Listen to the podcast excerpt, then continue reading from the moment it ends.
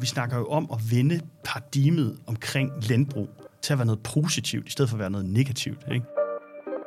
Altså fordi Snappack ikke gik, så betyder det jo ikke, at jeg ikke finder på noget andet. Når der er et fødevaregodkendt materiale, så skal det ikke puttes ind i tøj eller legoklodser, hvor de aldrig bliver genanvendt. Velkommen til Bæredygtig Business. En podcast, hvor vi undersøger sammenhængen mellem bæredygtighed og forretning. Den sociale ulighed stiger, klimakatastrofen er ved at løbe løbsk. Konsekvenserne af biodiversitetskrisen og kollaps af økosystemer er ganske uoverskuelige. Men vejen ud af problemerne er, at vi laver en verden, hvor bæredygtighed kan betale sig. Mit navn er Steffen Marksø. Jeg er forfatter og foredragsholder og direktør i konsulenthuset Sustain Business. Jeg taler med førende eksperter om, hvordan bæredygtighed kan gøres til god forretning. Simon Boas Hofmeier, bæredygtighedsansvarlig i Carlsberg Gruppen. Jeg kan huske dengang, at jeg var øh, CSR-direktør i Holmris. Jeg kan jo sagtens sammenlignes med Carlsberg. Der var, det ser jeg overhovedet ikke nogen problemer i overhovedet. Det er slet ikke. Det er helt og, det samme. øh, Fuldstændig samme, fuldstændig samme. Bortset fra, at øh, det var så møbler, og meget, meget mindre. Men lad nu det være det. Men så var jeg jo øh, Sustainability Director, når jeg var i København. Og så var jeg bæredygtighedsdirektør, når jeg var i Jylland. Og det, der er alligevel et eller andet sådan noget, øh, der sker et eller andet med det danske sprog, når man kommer tættere på staden, så bliver vi lidt mere øh, international. Jeg synes faktisk bare generelt, når jeg er i Danmark, så har jeg det sådan lidt svært med at kalde mig selv Senior Director Sustainability and ESG. altså for det første er det meget, meget langt, og for Ja. det andet så ved folk ikke rigtigt, hvad det betyder. Nej. Så for mig der er det sgu mere sådan et forståelsesspørgsmål, uanset om jeg er i Sjælland eller i Jylland. Det er fantastisk. Og Simon Boers, tusind tak, fordi du vil være med i Bæredygtig Business. Jeg har jo glædet mig vanvittigt meget til, at vi skulle tale sammen. Og det er jo ikke kun fordi, at du har taget et, et repertoire af, af øl med, med Men det hjælper. alkohol. Men det hjælper. Alt andet lige. Og øh, du har taget en alkoholfri øl med til os, som vi må få lov at drikke her under, undervejs. Det er jo første gang, vi skal drikke i podcasten. Det skal jo være en første gang til alting. Ved du hvad, jeg, jeg starter simpelthen med at åbne min. Vil du ikke lige fortælle, hvordan er din vej kommet øh, ind i bæredygtighedsagendaen og ind til, øh, til Carlsberg? Jo, men øh, det startede sådan set nok helt tilbage i min barndom. Jeg havde en far, som var sådan en, der komposterede i baghaven, som øh, stemte på SF, øh, og helst på en kvinde, og helst af øh, udenlandsk baggrund, hvis han kunne komme afsted med det. Meget moderne. Meget moderne af en, øh, af en herre, som efterhånden er 80. Øh, men hvis jeg nu skal være lidt alvorlig, så jo, jeg tror faktisk, det kommer helt tilbage derfra. Det har noget at gøre med, at øh, der er ligesom kommet noget helt basalt med ind i opdragelsen om, at øh, vi skal prøve at, at gøre øh, bare nogle små ting sådan til daglig for, at vores, øh, vores planet ikke tager, tager alt for meget skade. Øh, sådan lidt mere øh, øh fra en uddannelsesperspektiv, så, øh, så da jeg ligesom begyndte at læse på Handelshøjskolen i København, så var der mange af mine medstuderende, der ville være managementkonsulenter og ud og have en, en steep learning curve i McKinsey og, og andre steder. Den klassiske vej. Den, den klassiske vej. Men, øh, men jeg synes, at, at de fag, der havde at gøre med strategi og globalisering, og de afledte potentielle negative effekter, øh, det kunne føre med sig, Øh, Men så i særdeleshed også, hvad er det så for nogle konkrete løsninger, vi kan lave for at imødekomme det. Det var det, jeg synes, der var spændende. Så øh, det var, det var sådan set der, det startede. Tog et, øh, et scholarship i, i Kina, øh, tog ud og studerede MBA-kurser, øh, oplevede nogle af de der sådan ting, der sker øh, i en global verden, øh, og, og synes, det var helt vildt øh, spændende at arbejde med. Så det er der, det egentlig startede. Hvor er du vokset op hen? Øh, jeg er fra Aarhus. Ja, det øh, går rygterne nemlig lidt på.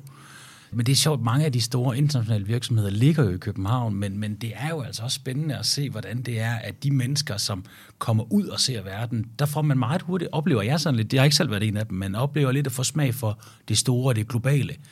Altså, hvor sådan en som mig, der ikke har været så meget ude at rejse, altså, der, øh, der kan verden godt blive Danmark nogle gange. Mm. Og folk, der er i store virksomheder, der bliver det bare på default. Altså, den er jo bare altid meget større end Danmark. Det er nok en meget klog idé, at man generelt ser på øh, verden på den måde, at det er mere end bare Danmark. Ja, og så vil jeg generelt sige til alle studerende, der måtte lytte Ja. øh, i dag, øh, når man har muligheden for at gå ud og studere, og decideret faktisk få penge for at tage til udlandet og opleve en alle kulturer, øh, opleve noget, der ikke er i andedammen, så synes jeg faktisk næsten, man skulle skamme sig, hvis man ikke gjorde det. Ja. Nu er det jo ikke så lang tid siden, at du var på, øh, på Børsens øh, Bæredygtighedssummit, hvor, hvor du holdt oplæg. Hvad talte du om på, på det summit? Jamen, øh, jeg var på scenen øh, sammen med Bjørn Korydon og øh, Rune, ham fra øh, Teknologisk Institut, tror jeg det hedder. Øh, og, øh, Teknologirådet, men Teknologirådet, undskyld, ja. selvfølgelig. Undskyld, Rune. Ja, jeg har lige optaget og, podcast med om det er kun derfor, jeg ved det. Yes, øh, og, øh, og så øh, bæredygtighedsansvarlig fra H&M. Og det, vi snakkede om, det var den her degrowth-agenda over for donut-økonomien, over for, er det muligt at opnå bæredygtig vækst? Er bæredygtig vækst et fatamorgana, eller er det noget, der reelt eksisterer? Går det hurtigt nok? Øh, gør vi nok? Er der noget, vi skal gøre fra lovgivningsmæssigt perspektiv, og hvad gør virksomheder? Så det var sådan en ret øh, stor debat, vil jeg sige. Og, øh, og lidt vildt, at den bliver taget ikke på, øh, på børsens scene med, med børsens chefredaktør, med en af de største virksomheder, vi har i Danmark, jeres, øh, virksomhed, jeres, Carlsberg, H&M, som jo i høj grad også har haft nogle situationer, hvor det er, at de har haft ret hårdt aftryk på planeten, og så med en, som har skrevet en bog om degrowth. Altså det viser jo ret meget om, at degrowth er faktisk noget, man begynder at tale om, også i erhvervslivet. Altså, der er jo forskel på, om man taler om det i erhvervslivet, og så om der bliver talt om det rundt om erhvervslivet. Og lige når det kommer til degrowth, der vil jeg nok sige, at, at man kan sige, degrowth som koncept, det har lidt den der negative følelse. Mm. Altså, ikke? altså at øh, vækst per definition er negativt, og derfor så skal vi ikke have det. Så er det jo, donorøkonomien prøver at tage sådan en lidt mere positiv tilgang mm, øh, mm. til det, hvor ja. der selvfølgelig også er nogle planetære grænser, men at der trods alt alligevel er efterladt noget mulighed for, at det ikke kun er, at vi skal stoppe væksten, der var muligheden. Ikke? Så jeg vil sige, øh, det er, det er jo ikke en, i de kredse, jeg kommer, øh, så er det ikke spørgsmålet om, hvorvidt at vi har lov til at vækste som virksomhed eller ej. Mm. Det er langt mere omkring, hvordan sørger vi for, at vi kan bevare muligheden for at vækste i den verden, vi lever i. Og der er en kæmpe forskel, sådan ideologisk, fordi den ene, den, den siger, jamen det kan ikke lade sig gøre at gøre det hurtigt nok og godt nok, og vækste og have øh, en grøn omstilling, mens den anden siger, jo, det kan vi godt. Det der jo er med ekstremer, øh, hvilket jeg vil sige, degrowth er. På samme måde kan man sige, at vækst for enhver pris også er en ekstrem. Men det der med ekstremer, det er, at man også kan huske de afledt øh, potentielt negative effekter ved det scenarie, man nu sætter op. Øh, og nu ikke for at citere øh, Bjarne, men han sagde jo også, at hvis man gik efter degrowth-agendaen i den ekstreme case, hvad ville der så ske politisk? Altså når man tænker på de optøjer, der har været i Frankrig, i forbindelse med, at man hævede nogle afgifter på noget energi. Klar. Øh, når man tænker på det backlash, der er i USA omkring ESG-agendaen, øh, hvor at øh, visse partier på den republikanske fløj jo direkte taler om den her wokeism, som har overtaget deres virkelighed.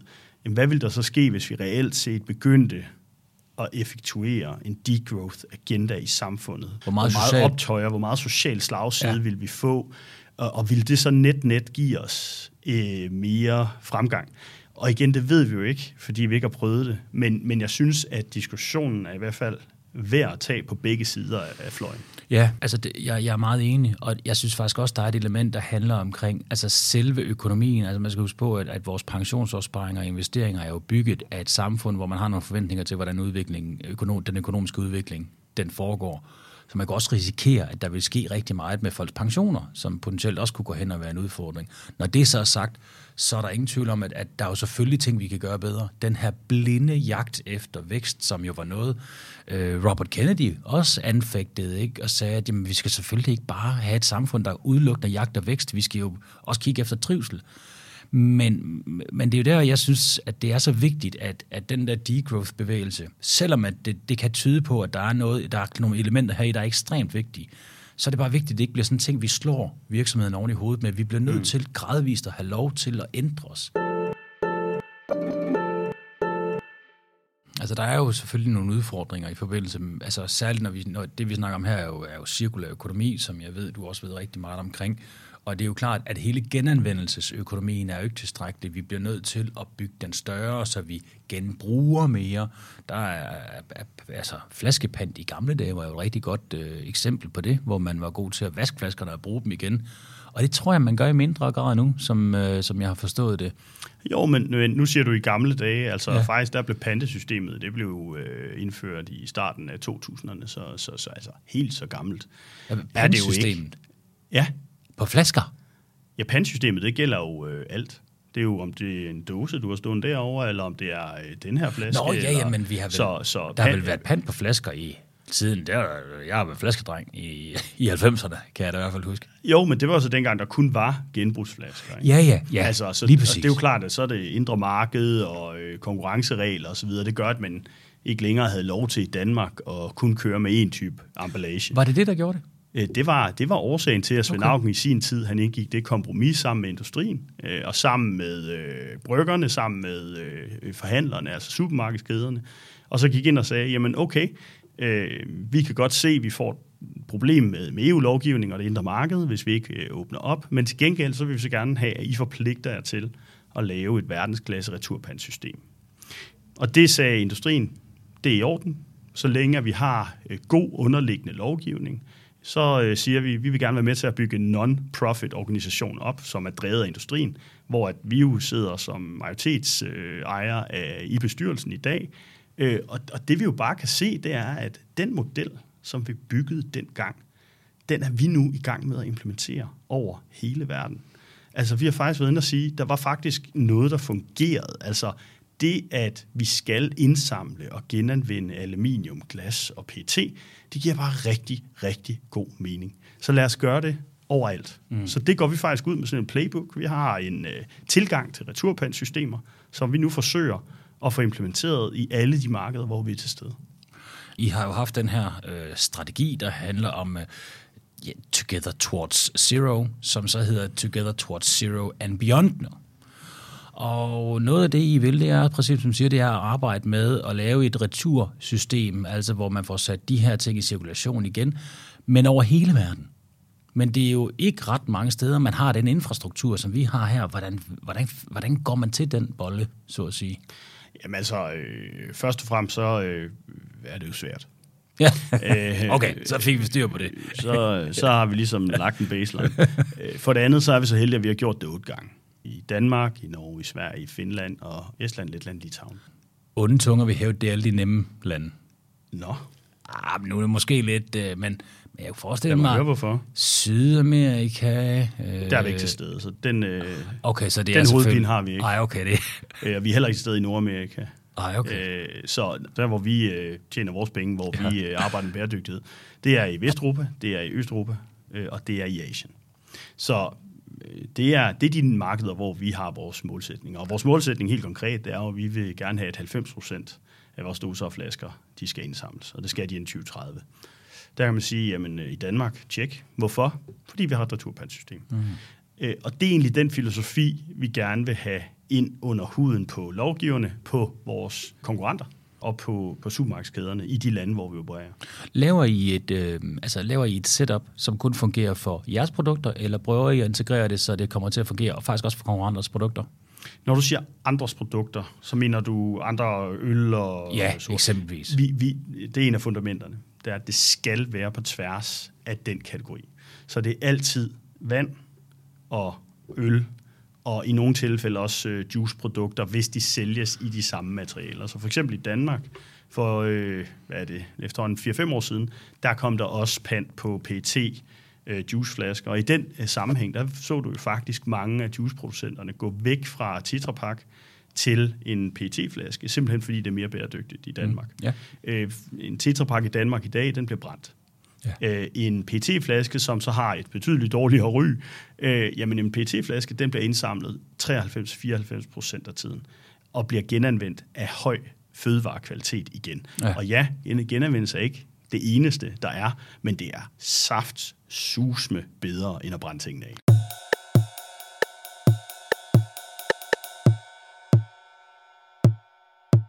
Altså, I har, I har ret skarpt fokus på emballage, naturligvis. Det er jo et af de områder, hvor, øh, hvor I sådan helt oplagt øh, skal arbejde med noget i forhold til at gøre jer selv bedre hele tiden.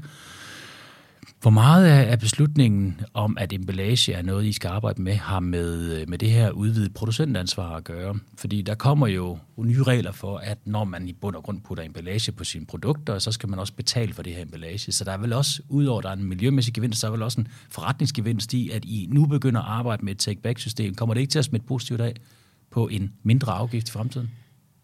Først og fremmest så har der været afgifter på emballage altid. Altså, så, øh, og specielt på, øh, på vores produkter. Så øh, det er for os ikke øh, noget nyt, at der er en emballageafgift. Så det har der sådan set altid været. I bliver ikke påvirket ekstra af det? Det kan godt være, at vi bliver påvirket ekstra, ja. men det gør vi så faktisk ikke der, hvor vi har returpandsystemer.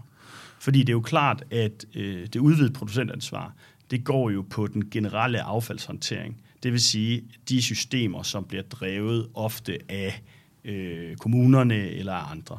Og der kan man sige, altså langt størstedelen af vores emballage i de markeder, hvor vi har returpant, jamen de indgår jo ikke i det offentlige system. Så det vil sige, så er der jo selvfølgelig ikke en øget afgift. Fordi den afgift, den afspejler jo sådan set bare, at der er en større omkostning ved at indsamle, håndtere, rense og genanvende øh, de produkter, der bliver indsamlet. Det er klart. Øh, så så øh, faktisk, øh, nu er øh, de her flasker og dåser, du har stående foran dig, de er alle sammen et udtryk for højkvalitetsmaterialer, som er fødevaregodkendt. Hmm.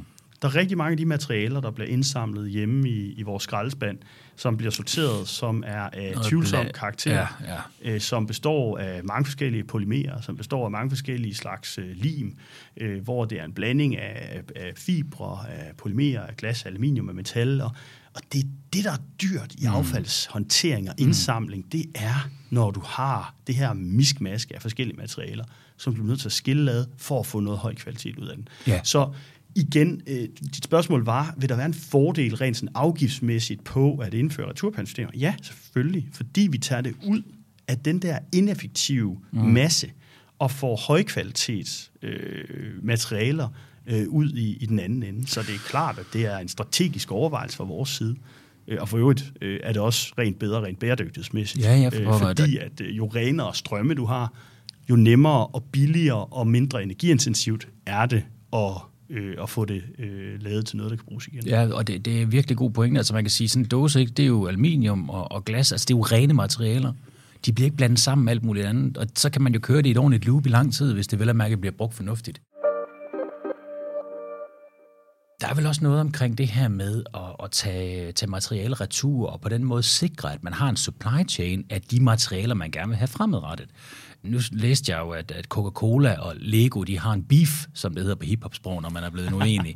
og det, jeg synes bare, det er så sjov en situation, fordi at, at det, der på bund og grund sker, det er, at Lego køber jo rigtig mange af de her genanvendte materialer derude, øh, plastik, fordi det er, og det kommer tit fra, fra colaflasker, og det er jo sådan set øh, ganske fornuftigt af, af Lego at gøre.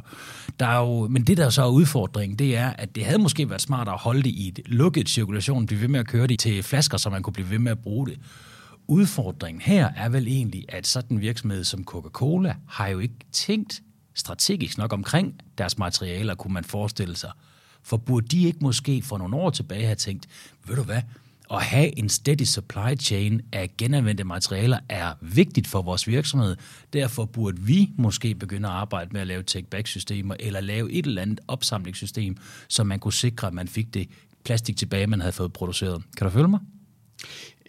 Nu er der jo øh, lige en ting, du skal huske, øh, Steffen, og det er, at vi er jo faktisk producenter af Coca-Cola i Danmark. Ja. Så det vil sige, at den her agenda, den er faktisk fuldstændig uadskillelig fra min agenda. Ja, Så øh, alt øh, PT indgår jo også i returpandsystemet. Ja. Så det er jo faktisk lige præcis det, vi har gjort, da vi dannede Dansk Retursystem og de andre returpandsystemer i hele Norden og de lande, jeg talte om. Så de har faktisk tænkt strategisk over det, det er bare igennem os. Øh, vi er bottler af Coca-Cola i Finland og i øh, Danmark, og vi er bottler af Pepsi i Norge og i Sverige. Men de bliver solgt mange andre steder, hvor de ikke har gjort det. Det er fuldstændig korrekt. Nu kan jeg selvfølgelig kun tale ud fra min, ja. fra min egen stol. Når du ser på deres strategi, ja. Øh, så prøv at gå ind og google uh, World Without Waste. De har faktisk sat et mål om, Coca-Cola, globalt, at de vil indsamle uh, 100% af al deres emballage i 2030. Vi har sagt 90. Uh, det har jeg kunnet regne på er en plausibel, om en ekstremt ambitiøs strategi. Mm. Det, at de siger en til en, det skal de være velkomne til. Mm. Øh, vi er nok en lille smule anderledes, når det kommer til, hvordan vi udarbejder bæredygtige strategier. Så de har tænkt strategisk over. Men de, de ændrer jo ikke på, at de står i en situation lige nu, hvor det er, at der er nogle andre, der køber det plastik, de rigtig jo, gerne vil have fat i. Øh, nu skal du så huske, der er noget, der hedder lobbyisme.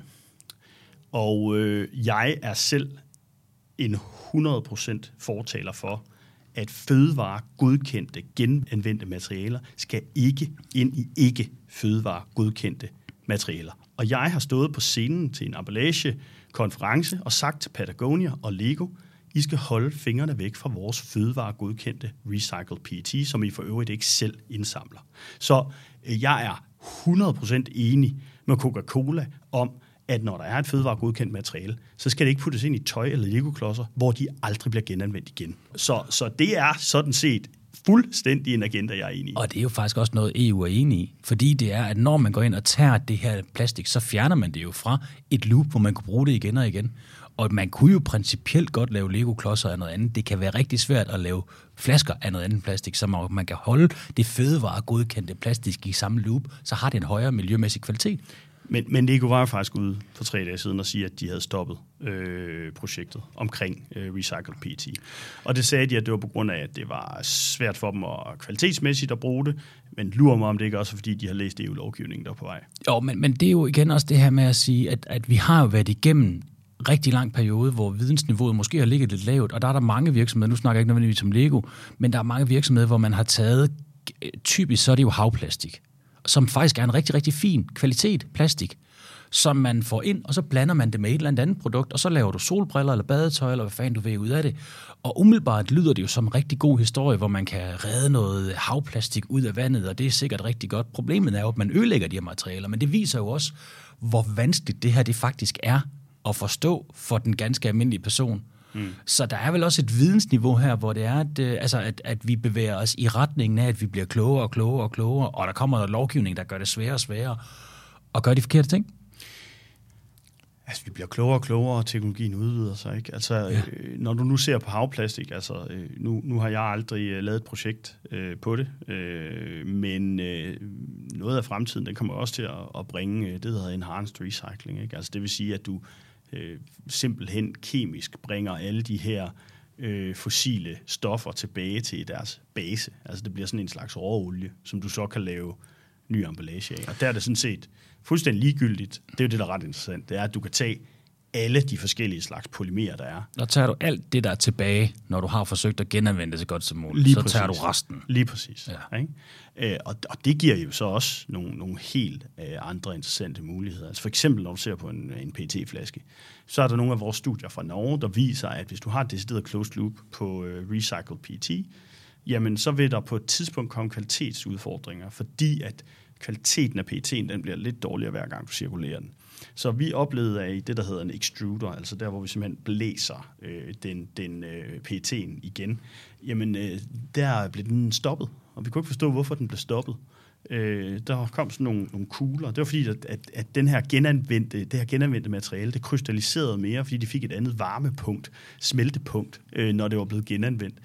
Og den her, det var en lidt teknisk forklaring af, at det, det har lidt os hen imod, det er, at en 80% genanvendt flaske, det vil sige en, mm. en flaske, der er lavet 80% genanvendt materiale, og 20% mm. øh, jomfruelig ny materiale, det var den mest bæredygtige løsning. Fordi ellers så risikerer man, at materialet bliver så dårlig kvalitet, at man bliver nødt til at smide det ud, eller ja. at det simpelthen ikke lever op til kvalitetsstandarderne. Og det er jo også det, der er argumentet for, at man kan ikke genanvende sig til den perfekte verden. Det bliver en del af processen, men vi skal højere op i loopet, fordi når du genanvender, så bliver det altid lidt dårligere, så du skal lige have lidt nyt materiale i. Så på et eller andet tidspunkt, så, så får man jo futtet det hele af alligevel. Men det er bare et rigtig godt sted at starte, fordi det er trods alt markant bedre, end at bare at producere noget og kyle det ud.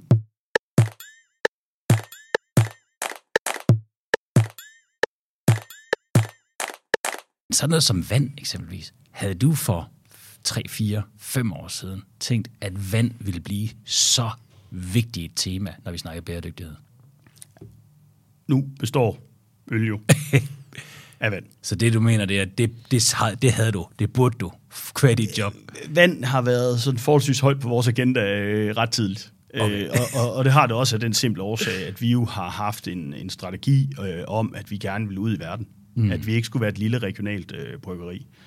Øh, så, så når vi øh, har vækstet i, øh, i Laos, eller i Kambodja, eller i Indien, eller i Kina, jamen så er vand jo øh, noget, som, som ikke bliver taget for givet på samme måde, som det gør i vores del af verden. Prøv lige at tage, det, tage lytterne her igennem. Hvorfor er det, at vand er... Altså, øl består jo naturligvis. Vand er jo super centralt for at brygge øl. Men hvorfor er, er vand kritisk? Altså øh, for, for, for Carlsberg? Øh, altså man kan sige, øh, vi har det nære, og det er jo i selve brygprocessen. Hvis vi ikke har en, en ren kilde til vand, og nu sætter jeg også fokus på ren, det er jo ikke kun, om der er vand, der er relevant. Det er jo også er Nej, det er vandet, den skal jo- kvalitet, der skal til. Det giver mening. Øh, jamen, der kan man sige øh, helt lavpraktisk, hvis der ikke er adgang til en, en ordentlig vandkilde, jamen, så kan vi overhovedet ikke øh, brygge vores produkter. Altså, vi kan ikke lave øl. Når vi så ser uden for værdikæden, jamen, så er det jo klart, at øh, vi øh, bruger bygmalt, øh, vi bruger ris, vi bruger humle øh, til at lave vores produkter. De er også alle sammen afhængige af vand, fordi det er naturprodukter, som dyrkes. Så det vil sige, at, at vand gennemsyrer jo vores værdikæde og hvad vi laver. Øh, at hvis der ikke er vand af den rigtige mængde eller kvalitet, jamen, så kan vi simpelthen ikke øh, lave vores produkter. Jeg læste om et tysk bryggeri for 6-8 måneder siden, måske et lille år siden, som fik at vide af den tyske øh, delstat, at de måtte simpelthen ikke øh, brygge øl øh, to ud af fem dage om ugen, fordi der ikke var vand nok i området. Vildt, det har jeg ikke hørt om. Den skal jeg sendt til dig. Jeg fik det at vide på sådan en vandteknologimæssigt. Jeg tænkte, at du måske har hørt om det. Men det, det viser jo også bare for lægmand som mig, hvor konkret vand er i en produktion. Ikke? Altså, så er man jo nede med, med hvad, 40 procent af sin kapacitet, ikke? hvis det er to ud af fem dage om ugen, hvor du lige pludselig ikke kan producere. Helt sikkert. Hvad med sådan noget som, øh, altså som produktionen af vand? Altså det er vel også et spørgsmål om at være de rigtige steder, hvor man har adgang til det her rene, gode vand. Der er vel også noget med priserne på vand. Der er vel også noget med, hvordan man kan sende vand tilbage i cirkulation, når man har brugt det. Jamen, øh, så er vi med ud i løsningerne, kan man sige. Ikke? Altså, den ene ting, det er, at vi bruger vand. Øh, den anden del, det er så løsningerne. Og der, hvor vi øh, startede også for 15-20 år siden, det var at sige, at vi skal være så vandeffektive som muligt. Øh, der er ikke mange, der måske ved det, men altså en, en, en mikrobrygger for eksempel kan jo snilt bruge øh, ja, mellem 6 og 12 liter øh, per produceret liter øl. Mm. Ikke? Øh, mens at øh, sådan en lidt større bryggeri, øh, såsom i, i Fredericia, øh, hvor vi har det danske bryggeri, jamen det bruger sådan cirka omkring øh, 3 øh, liter. Øh, vi installerede så et, øh, et wastewater treatment plant og en kombination af teknologier, der gjorde, at vi faktisk nu er kommet helt ned på 1,4, øh, når det kører øh, på, på fuld kapacitet. 1,4 liter vand på at lave hvor meget øl, siger du? En liter øl. Det lyder ikke dårligt. Det er heller ikke dårligt. Det er sådan set, vi, vi siger sådan set også, det er et af verdens mest vandeffektive bryggerier. Så det er sådan forholdsvis øh, op øh, på, på, på navlen. Det er der, hvor den jyske beskedenhed, den træder lidt ind nu. Altså, Probably. Ja, ja, probably. Ja, så det første, vi gør, det er selvfølgelig at se på effektivitet, og der mm. har vi nedbragt vores vandfaktor helt vildt. Altså, vi er globalt nede på 2,5 nu. Øh, og det er vel at mærke med alle vores bryggerier, også mindre bryggerier, der er med ældre teknologi øh, til stede i verden, hvor der er en større grad af fordampning, fordi det er varmere, eller hvad det nu måtte være. Selvfølgelig. Nå, Men, men, øh, men altså, vi er nede på 2,0 globalt, øh, og så vil vi have et, et målsætning på de bryggerier, der ligger i det, vi kalder high-risk areas, øh, og, og der skal vi ned på 1,7. Så det er sådan, hvad vi gør inden for, inden for murene. Men uden for murene, der siger vi så, at, at i de øh, bryggerier, der ligger i de her områder, øh, som vi sammen med WWF udarbejder, udarbejder en, en analyse på, der måtte ligge i en højere risiko, jamen der vil vi øh, også, hvad skal man sige, være vandneutrale, eller hvad man skal kalde det. Altså vi vil sørge for, at der bliver øh, puttet lige så meget vand tilbage i undergrunden, som vi har brugt. Og det er der forskellige metoder til. Der er øh, det her, der hedder naturbaserede løsninger, altså hvor man går ud for eksempel og, og restaurerer noget, et område, som er blevet overtaget af, af det, der hedder alien species, som jeg ikke ved, hvad Nå. hedder på, på dansk, men altså simpelthen nogle udefra kommende øh, typer øh, vækster, som, Ja. som simpelthen har overtaget et område og gør, at vand ikke længere kan lagres og synke ned i undergrunden. Eller det kan være ved, ved hjælp af teknologibaserede løsninger. Altså det kunne være i fremtiden, at vi for eksempel vil gå ind og lave øh, sustainable desalination af, af vand og føre ind i, i, øh, i det pågældende øh, områdes øh, øh, vandreservoir. Så der er en hel masse forskellige løsninger, men dem er vi i gang med at finde ud af. Vi har partnerskab med, med WWF. Mm. Vi offentliggør snart et partnerskab med, med WaterAid, øh, også for netop at lave mm. den her type øh, projekter øh, omkring i verden. Hvad vil du sådan sige er det sværeste for jer, sådan rent bæredygtighedsmæssigt, kvad den type forretning, I har? Altså, hvor, er det, hvor, hvor bruger I flest af de små grå på at finde øh, knække nøden, finde løsningen? ja, men øh, nu, er det jo, øh, nu er det jo et forholdsvis komplekst område, som, som du nok også alle øh, ved efter Ja. alle de folk, du har snakket med. Ja. Øh, så der er jo ikke øh, nogen få områder. Der er rigtig mange. Okay. Øh, hvis jeg nu skal vælge et par nedslag. Ja, kom med øh, skub tre emissioner og værdikæde, altså at skulle omstille en hel værdikæde, der er global af natur, der er til stede i, i alle markeder. Øh, altså, det er jo en kæmpe opgave, fordi du, det er jo sådan en, det er sådan en øh, overnational indsats, du laver, altså, hvor det jo ikke kun er lovgivning i et land, men det er jo i alle de lande, du er. Så, så når vi for eksempel øh, var ude og lobby for, at vi skulle have nogle bedre vilkår for vedvarende energi, i øh, et land som Kina, jamen, så har det et potentiale for at ændre nogle kæmpestore ting. Altså, vi udfasede kul og gik over til nogle alternativer, men fordi vi ikke havde adgang til en, en vedvarende energikilde lige nu, øh, jamen, så blev vi nødt til at lave et mellem øh, ligesom, øh, plateau, der hed naturgas. Ja. Så vi gik fra kul til naturgas, i stedet for at gå hele vejen fra kul til elektrificering eller biogas, eller hvad det nu måtte være. Så øh, altså, udfordringen det ligger i, at vi har så mange forskellige komplekse miljøer, vi arbejder i. Øh, og et andet eksempel, det kunne være, at i mange af vores lande, der er det ikke tilladt at skulle installere den løsning, vi har i Fredericia på vand, fordi det ikke er tilladt at tage vand og recirkulere det tilbage på bryggeriet.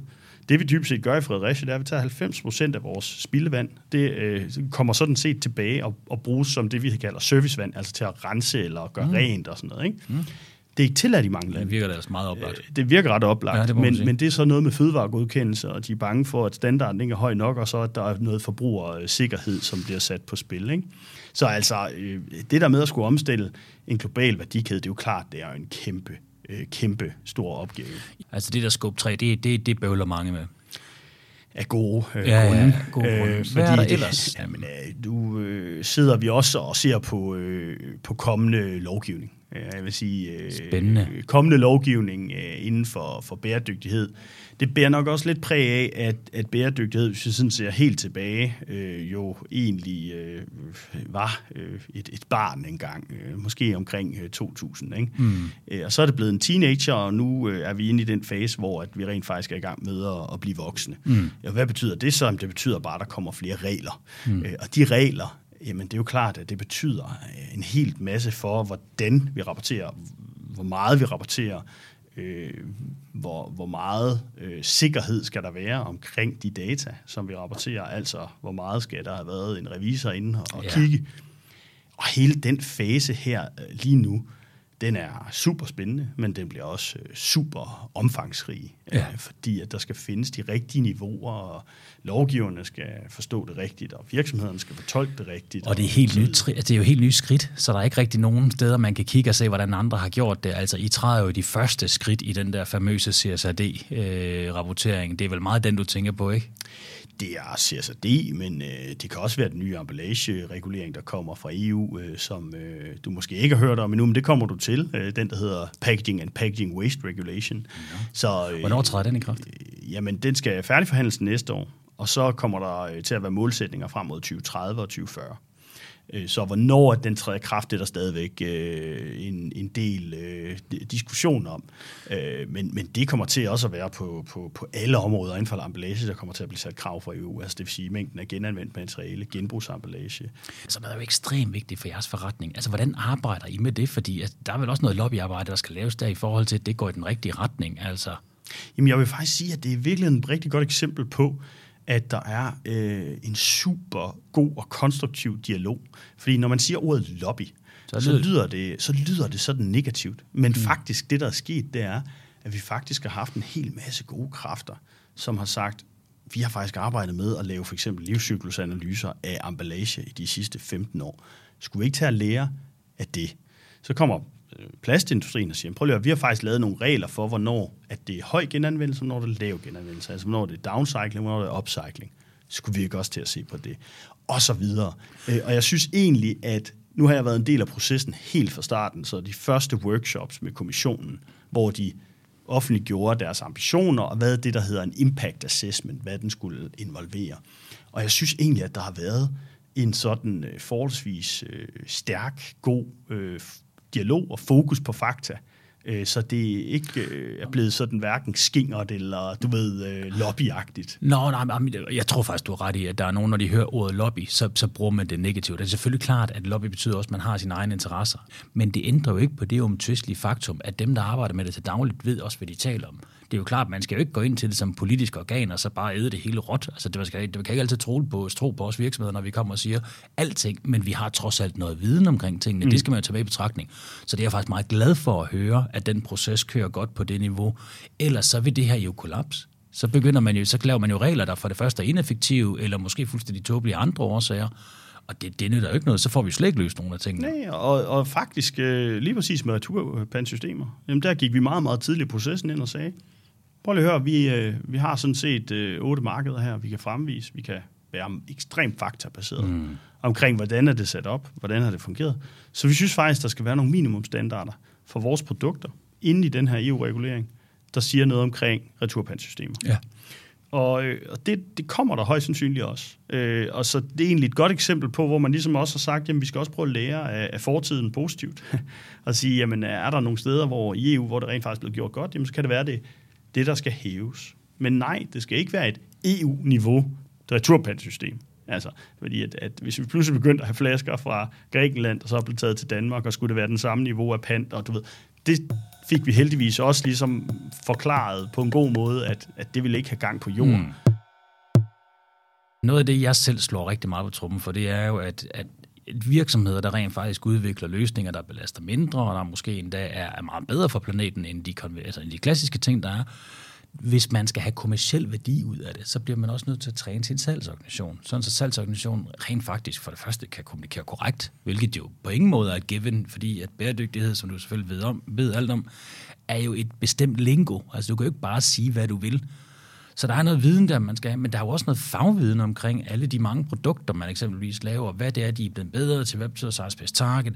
Hvordan griber I sådan noget? Altså har I noget intern uddannelse i forhold til bæredygtighed, i forhold til jeres medarbejdere, eller er det sådan en indgroet del? Hvordan, hvordan griber man det an i Carlsberg? Men altså man kan sige, der øh, for os er der jo to øh, forskellige sådan, kundegrupper. Og den ene er kunderne, det er vores øh, supermarkedskæder og øh, bar, restaurant, café. Det er og så, mig om fredagen. Og så, nej, det er, du er en forbruger. Når jeg er forbruger? Når jeg er ikke engang kunde? altså, okay. du, er, du er ikke en kunde. Nej, jeg var jo faktisk restauratør engang. Altså, nej, men hvis, det, hvis du taler som restauratør, så er ja, du en kunde. Nej, det er så nogle år øh, siden. nej, men, men, og det er jo klart, at når vi snakker øh, kundekommunikation, så er det jo en helt, helt anden fisk, end når vi snakker forbrugerkommunikation. Øh, og, og i forhold til kunderne, der øh, er der rigtig mange, som overhovedet ikke spørger os. Men så er der rigtig mange, der også er begyndt at spørge rigtig meget. Ja. Det kunne for eksempel, Fortæl om det, det er jamen, øh, men, men, og, og her der vil jeg sige, det er, jo, øh, det er jo en af de ting, hvor jeg vil sige, der er vi også i gang med at finde vores, vores, vores ben sådan over hele industrien. Fordi at der er jo alle mulige forskellige platforme, der skyder op over de her mm. år, som forskellige øh, kunder så bruger. Altså det kan være, at øh, en øh, benzintank øh, øh, øh, udbyder gerne vil have, at vi skal øh, bruge en platform til at fortælle om, hvad vi gør på bæredygtighed, og en anden vil have en anden, og en anden vil have en tredje. Øh, og det gør, at vi faktisk lige nu ser sådan en enorm stigning i mængden af data, som vi skal levere til vores kunder, for, som, de, som de efterspørger. Det kan være klimadata, det kan være produktdata, det kan være data om, hvor det kommer fra. Øh, og er det, fordi kunderne bruger det for at kommunikere ud til forbrugerne? Nogle gange er det for at kommunikere det til forbrugerne.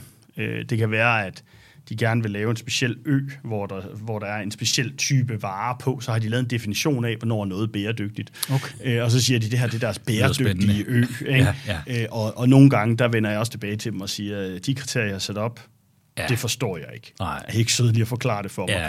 Øh, og der må man sige, der er nogle gange også gode kræfter, som måske ikke lige er helt gennemtænkt. Men det, det kan jo ske, og, og sådan er det også. Sådan er det. Øh, men altså for kunderne, der er der rigtig, rigtig meget information, som vi begynder at levere til dem. I forhold til forbrugerne, jamen så kan man jo kun lave forbrugerkommunikation, når man har noget at fortælle. Øh, og, og der kan man sige, at meget af det, som vi har lavet på bæredygtighed, det foregår på sådan et korporat niveau eller på virksomhedsniveau. Men vores vision er jo altid at få det ned og være relevant for forbrugerne. Men der har vi været ekstremt konservative i forhold til, hvordan vi gør det, og hvad vi siger, og hvor meget vi siger, og hvordan vi siger det.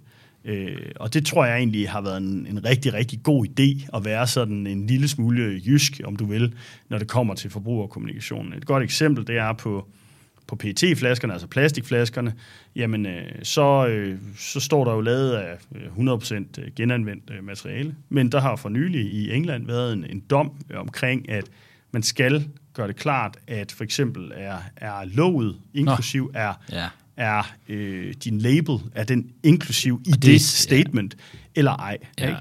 Øh, Så man skal bare være ekstremt Ja. præcis, Ja, øh, når ja, det kommer til de her ting. Men, men det, er, øh, det er den måde, vi ligesom deler det op, altså kundekommunikation og forbrugerkommunikation. Mm. Og forbrugerkommunikation, det er kun, når vi har noget fuldstændig klokkeklart, specifikt, mm. som er til at forklare på en måde, vi også kan forsvare. Ja.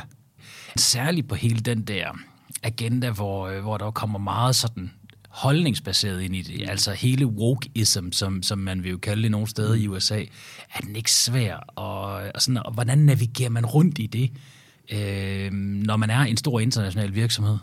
Nu er I så ikke i USA, så... så Nej, nu, nu er vi jo ikke i USA, øh, og det vil jeg sige, det vi aflever forretningsmæssigt, fordi de drikker en hel del øl. Øh, men, men, øh, Budweiser, hvordan er, har de ikke haft et, havde de ikke mindre øh, wokeism-situation med, med Bud Light? Jo, jo øh, altså igen, øh, den er måske et udtryk også for, for at, at det amerikanske samfund er, øh, er meget opdelt, øh, og Ja. det er meget os og dem. Øh, der vil jeg sige, det, det, det er mange markeder, hvor at, at vi oplever øh, det for, for os. Mm. Øh, I havde en lille tur i, i Rusland, der var lidt, øh, der var lidt hård. Jo, men det var jo øh, visse andre øh, sager, som, øh, som, som influerede det. Altså når man øh, er til stede og er markedsleder på øh, et land som, i et land som Ukraine, og for øvrigt er det samme i et land som Rusland, og Rusland så ligesom erklærer krig imod Ukraine, så er det jo klart, at, at det fører øh, nogle helt enormt svære udfordringer med sig. Altså bare det, at vi havde jo mange kollegaer, der, der arbejdede i, i hvert land. Altså Ja. vi havde jo hele vores supply chain, og alting var jo fuldstændig flettet ind i hinanden i, i hele Østeuropa. Så, så vi, vi stod i sådan en situation, der var ekstremt svær at, at håndtere øh, på det tidspunkt. Ikke? Altså, Jo, og der er vel ikke, altså, det, der er jo ikke, øh, der er jo ikke den præcedens for, hvordan man holder, håndterer sådan noget. Altså, der, der er jo ikke en strategi for, hvordan man gør sådan noget. Det er jo aldrig sket før. nej, øh, det her det var i hvert fald ikke sket før øh, i noget, som, som vi kunne, kunne bruge til noget. Jamen, Øh. når det hele er flettet så meget sammen, altså rent praktisk, mm. er det jo en kæmpe, kæmpe udfordring. Jo, men altså, øh, der var bare ikke nogen måde, man bare kunne lave et, øh, sådan et clean cut og sige, nu snakker vi slet ikke med hinanden. Altså, så, så øh, det var jo den ene del, men så var der jo et rent menneskeligt. Altså, at vi stod der og havde øh, kollegaer, der, der øh, nu gik i, i ly for missilangreb øh, i, Jamen, i, i, i et marked, som er så tæt på, hvor vi er, hvor Europa er, at, at det var jo slet ikke til at forstå eller, eller fatte. Øh, altså det var jo super interessant, at, at vi lukkede selvfølgelig produktionen, og alting blev lukket ned, men, men forholdsvis hurtigt efter angrebet, så kom vores ukrainske kollegaer og sagde, at nu ville de altså bare gerne tilbage på arbejde Ja. og have noget, der mindede om, Om en om normalisering af deres dagligdag, ja. hverdag. Ikke? Altså, men men øh, det er jo klart, at at øh, den der situation, den er jo fuldstændig uden nogen som helst fortilfælde. Altså, vi havde jo 8.400 gode kollegaer i Rusland, som jo ikke øh, er en del af det her. Øh, Det er jo ikke dem, der har taget beslutningerne omkring, nej, nej, nej. nej. hvad deres øh, regering gør eller ikke gør. Øh, Det kan man i hvert fald være helt sikker på, at det ikke er. og det var jo også øh, sindssygt svært, og gode kolleger, man havde snakket med dagen før, så var der lige pludselig øh, nærmest øh, ingen kommunikation. Altså, det, de menneskelige effekter af, af det er, er fuldstændig uoverkommelige. Ja, men øh, og for, for at være helt ærlig, jeg har faktisk slet ikke tænkt over den så tæt igennem. Altså, det er jo, det er jo egentlig jeres egen, det er jo jeres kollegaer dernede. Jeg, det havde jeg faktisk ikke tænkt så meget om, at indrømme. Men hvad, hvad med sådan noget som, altså, det, det, er bare, det er noget, jeg sådan tit har tænkt over selv, og jeg, jeg tror, jeg vil have lidt svært ved at takle det der med den mistro.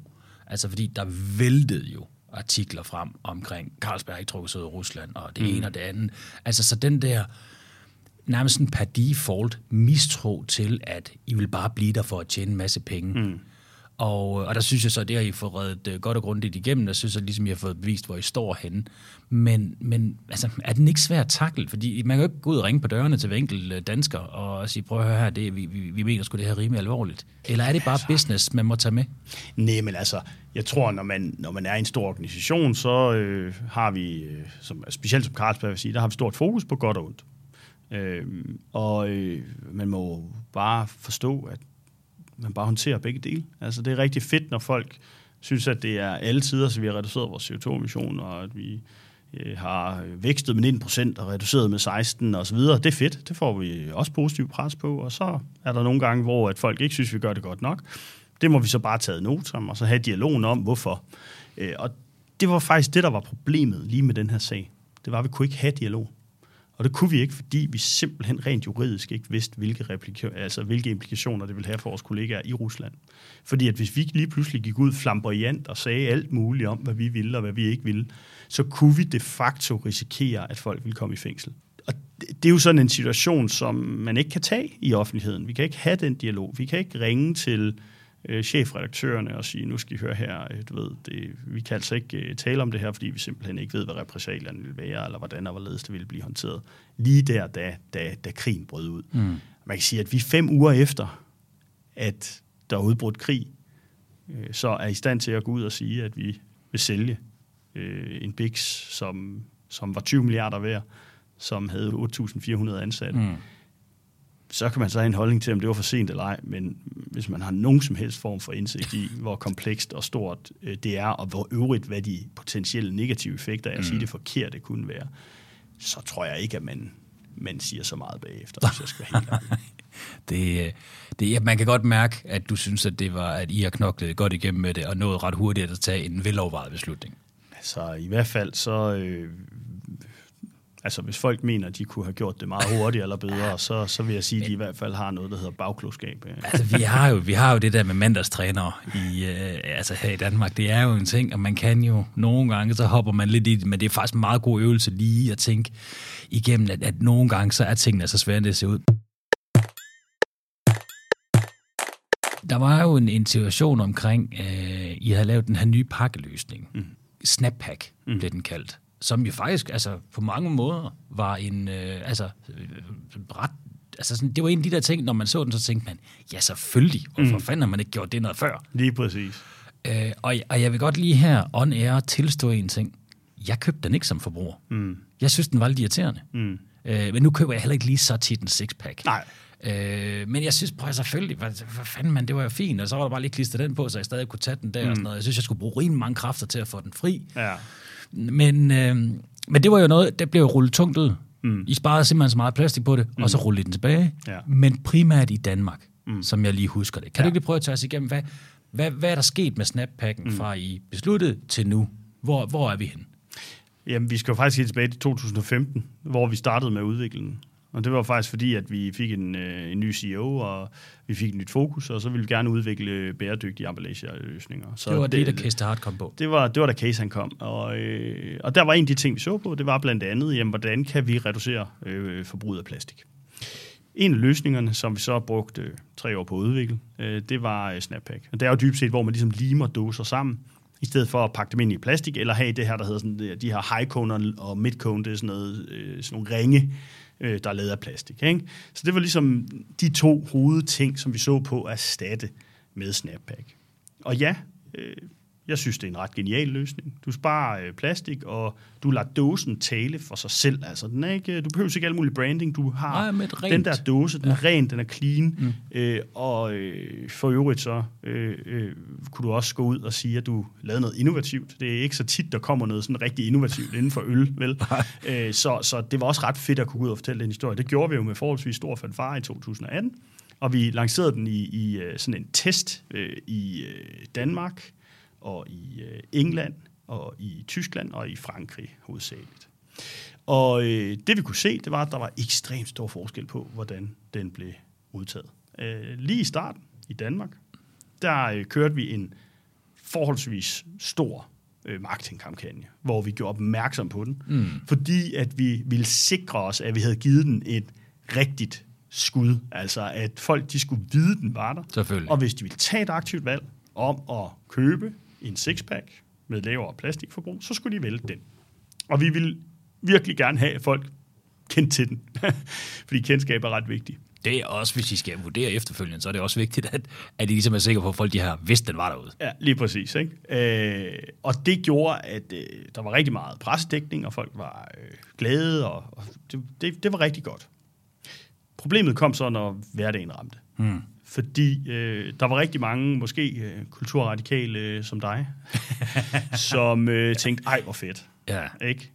Men måske drikker du slet ikke sixpack. Øh, måske øh, drikker du mest specialøl, gerne i flaske, som for øvrigt har 10 gange højere klimapåvirkning. Øh, ja, oh, ja. eller, eller hvad det nu er. Synes jeg, du bliver lidt hård ved mig. Men, øh, men, men i hvert fald, der kunne vi bare se, at øh, salgstallet det fulgte bare ikke med.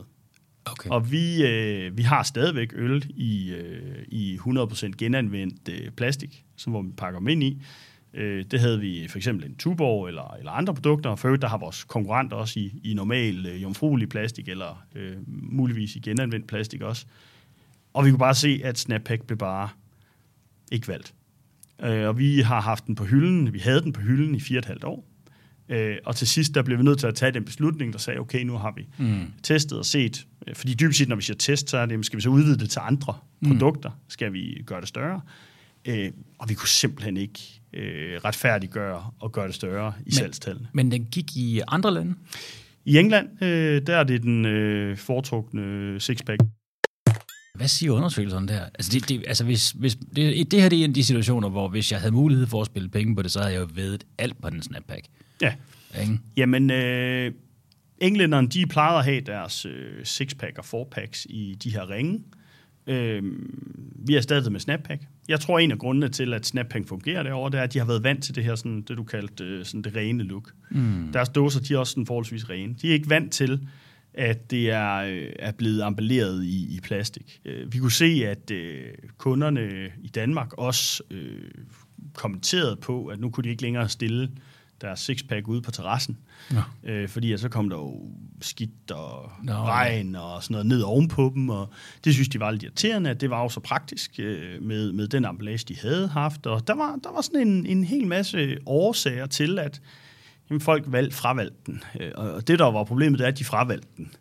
Øh, og, og det, som det er et eksempel på i, i Danmark og England, det er, at for det første, så er forbrugerne ikke ens. Øh, de øh, har forskellige øh, præferencer. Og det betyder så også, at jeg som bæredygtighedsansvarlig bliver nødt til at lave forskellige løsninger. Og, øh, og det er sådan set, længere er den jo sådan set ikke. Altså for mig, der er det bare et spørgsmål om, nå, den gik i England, det er pisse. Godt. Den gik ikke i Danmark, ærgerligt. Så finder vi noget andet til Danmark. Mm. Og det er der, hvor at, man kan sige, dialogen med folk, som, som måske har en lidt ekstrem holdning til det, Øh, Jeg har set mange kommentarer, også på mine egne opslag, der siger, jamen, øh, I har et ansvar, som de siger. I har et ansvar for at blive ved med at sælge den her, selvom den ikke sælger, fordi at den reducerede plastik.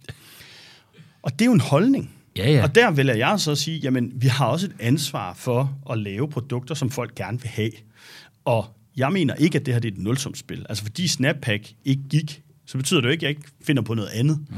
Altså, så I skal nok få andre bæredygtige løsninger for os. Men den her, den gik altså ikke lige i Danmark. Mm.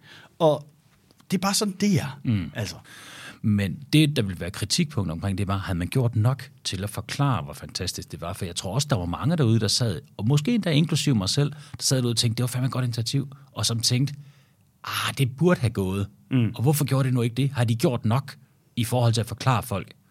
Og der synes jeg, jo, du sådan lidt forklaret, at det havde jo faktisk, I havde faktisk været rigtig meget ude omkring det. Jamen, altså, man kan sige, gjorde, gjorde man nok, man ikke? Altså, mere, ikke? Jo, men vi, altså, vi lavede en kæmpe reklamekampagne. Vi prøvede at kommunikere på det der håndtag, der er på. Der prøvede vi at kommunikere, hvordan du skulle gøre det. Nu kan jeg se, at du selv signalerede, hvordan du gjorde det. Du gjorde det helt sikkert forkert.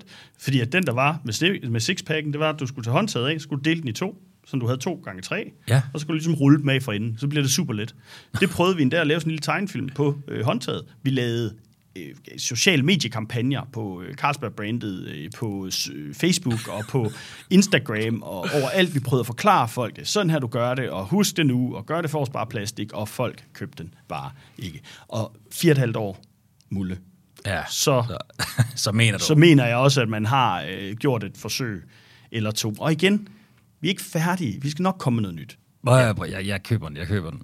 Og derfor synes jeg faktisk, at, at med de ting, du fortæller her med, der er lavet en video, ikke? altså, så man har jo tænkt meget over, hvordan man kan komme ud med det, måske instruere kunderne i, hvordan de bruger det.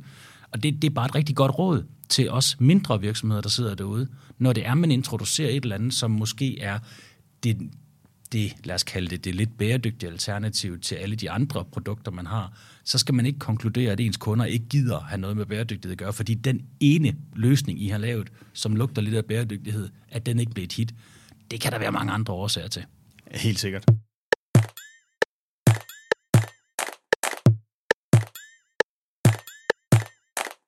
Hvad med sådan noget som altså, det hele det her farming i forhold til Carlsberg? Mm. Altså, der er jo også virkelig meget fokus på det her med, altså på landbrugsareal og farming. Og, altså, hvad, hvad, øh, hvad, hvad, hvad er dit take på det? Altså landbrug øh, er jo sindssygt vigtigt øh, for os. Altså man kan sige, uden, Det er vel uden, uden, uden ris og bygmalt, så ja, er der ikke, øh, er der så, ikke noget, der hedder... så er det vel bare dansk vand. Øh, er det så- ikke det, vi... Ja, i hvert fald øh, sådan lidt, øh, lidt mærkeligt smagende øh, dansk vand, fordi du tilsætter noget gær og noget, ja. som Ja. ikke rigtig er. Men, men i hvert fald øh, noget af den stil. Øh, 23 procent af vores totale CO2-udledning i vores totale værdikæde, det kommer fra, øh, fra landbruget øh, og fra meltprocessen og maltningsprocessen. Så det er jo et område for, at vi når vores øh, net zero-mål i 2040, så skal vi jo øh, gøre noget der. Og det, øh, som vi har valgt at sætte gang i, jamen det er at fokusere på det, vi kalder regenerativ landbrug Det er ret vildt. det, det dybest set går ud på, det er, at man vil gerne have en bedre øh, kvalitet af jord på de marker, hvor man planter sine afgrøder. Så det kan man gøre ved hjælp af forskellige øh, greb. Ofte greb, der faktisk øh, sådan går lidt tilbage i tiden. Øh, så en af de øh, ting, man blandt andet kan gøre, det er, at man kan sørge for, at der er efterafgrøder på de markeder, hvor du har høstet. Så det vil sige, hvis du har en bygmalt produktion, du har høstet, så sørger du for at høste en efterafgrøde direkte efter, at du har høstet, sådan at den mark dybest set er grøn året rundt. Eller vi siger så, 347 dage om året skal marken være grøn. På en normal mark, der er den måske øh, ikke grøn 5 til måneder om året. Det, det gør, det er, at de her efterafgrøder, de hiver CO2 ud af luften, fordi de jo vokser ved hjælp af fotosyntesen, og så øh, fanger de det jo i den biomasse, du så laver ved hjælp af planten, og det kan du så øh, blidt skubbe tilbage i jorden, hvilket så gør, at den CO2, der er blevet optaget, den bliver sådan set opfanget i jorden igen. Det er det, man på godt nydansk kalder carbon sequestration. Øh, det forbedrer så også jordkvaliteten, fordi at du får øh, simpelthen mere næring ned i jorden ved at gøre det her. Du øh, stopper også med at pløje så dybt, fordi når du pløjer, så forstyrrer du jorden. Det hedder soil disturbance. Øh, hvor at når du gør det, så udleder du noget af det CO2, som faktisk er blevet fanget i jorden. Øh, Så har du øh, en tredje ting, og det er, at du sørger for at rotere forskellige afgrøder. Fordi at de, det at rotere afgrøder, det gør, at der kommer et bedre næringsindhold i jorden. Du undgår monokultur mm. øh, i øh, det økosystem, øh, hvor du er. Og så er der, der er et helt væld af andre kriterier, men det er sådan de tre øh, største. Så det vi dybest set går ud og siger, det er, vi vil have, at al vores indkøbte bygmalt og ris i 2040 skal være øh, lavet ved hjælp af regenerative praksiser. Så det går vi ud og siger til vores øh, leverandørkæde, de her praksiser vil vi gerne have indført. Hvad er problemerne ved det? Hvad kan vi gøre for at hjælpe jer på vej? Og det er dybest set der, vi er lige nu. Ja, og der, der skal man jo nok lige anerkende, at det er markant anden måde, man plejer at lave afgrøder på. Ikke? Så det er vel et spørgsmål, efter som I ikke ejer markerne, og I slet ikke ejer det led, det er nogle leverandører, altså, så skal man jo virkelig have startet et samarbejde op med dem omkring det. Det skal man. Utrolig øh, spændende. Helt vildt. Er det, noget, det er nok noget, vi kommer til at høre noget mere om? Ja, det kan du være helt sikker på. Øhm, og indtil nu, der øh, har vi øh, kun projekter i gang i England, i Finland og i Frankrig. Øh, og grund til, at vi har taget sådan tre forskellige lande, det er fordi, at det, øh, der blandt andet bliver fortalt mig i øret af eksperterne, det er, at kvaliteten af jorden, typen af jorden, sandindhold i jorden, mm. gør, at ens metoder øh, kommer til at blive påvirket helt vildt. Så vi er sådan set i gang med at prøve at kalibrere, hvordan forskellige typer jorder så skal have forskellige øh, kravspecifikationer. Og for øvrigt, der kommer det også til at påvirke, hvor meget CO2 vi så rent faktisk kan fange i jorden, alt efter hvilken type jord det er. Så det er sådan et Det er meget komplekst, det helt vildt komplekst, men mega, mega spændende øh, område. Også i forhold til biodiversitetsagendaen. Helt Øh, særligt i forhold til Sær- biodiversitet. særligt i forhold til, ikke? Og det er jo igen et godt eksempel, hvor at man kan jo godt spørge sig selv, hvorfor er det, at vi ikke har tænkt på at gøre det her noget før? Fordi at når man ser på det, sådan, hvad, det hvad det har potentiale, så er det bare helt enormt. Og det er sådan noget, der virkelig gør mig sådan helt øh, Mm, ja, excited. ja, ja, altså, forstå dig. fordi at, at vi snakker jo om at vende paradigmet omkring landbrug til at være noget positivt, i stedet for at være noget negativt. Ikke? Altså det der med, at i Danmark går rigtig meget dialogen på, at landmændene udleder, og de bare vil have lov at udlede. Tænk nu, hvis vi kunne vende den Ja, diskussion ja, op. Ikke? Øh, tænk, hvis det er, at øh, vi rent faktisk kunne få et højere proteinindhold i vores øh, afgrøder, fordi at det er blevet dyrket på en anden måde, fordi Ja. jorden har været sundere. Lige præcis, at man efterlader jorden sundere, så den ikke bliver udpint undervejs. Og det er jo, det er jo en no-brainer. Det er jo det, der skal til i landbruget. Men man må bare også anerkende, det er jo bare også en rigtig, rigtig, det er en markant anden måde at gøre tingene på. Så udover det, det er en stor forandring, så er der også hele diskussionen om, jamen, hvad kommer det potentielt til at koste mig at lave, lægge det her om? Hvordan får jeg finansiering til det? Skal jeg selv betale det? Hvad er priserne på de ting, der kommer ud? Men det, der, det, der holder vågen om natten, det er, kan vi skalere hurtigt nok. Øh, kan vi få lavet så solid en vidensbase, der viser for landmanden, at det faktisk er en god forretning for mm. ham, at overgå til regenerative praksiser? Fordi at det er sådan set der, hvor vi er lige nu, det er, at i de studier, der er lavet, både af os og andre, der kan vi se, at altså en landmands net profit bliver højere over en femårig periode ved at overgå til okay. regenerativ praksis. Det, er jo, altså, det er jo en kæmpe hurdle, man kan komme over der, hvis det rent faktisk kan holde vand økonomisk. Lige præcis. Øh, og, og så spørger hvordan pågår man det? Jo, men altså, det kan godt være, at der er en, øh, en, en faldende udbytte i de første par år, øh, fordi at det har vi set, der er, og det er måske mellem 1 og 5 procent. Det kan lyde som meget, men Fordelene, du så får, det er blandt andet, at du skal ud og køre med din traktor meget mindre. Så der sparer du en hel masse, ja, øh, du sparer en hel masse brændstof. Øh, du skal øh, bruge meget, meget færre øh, pesticider.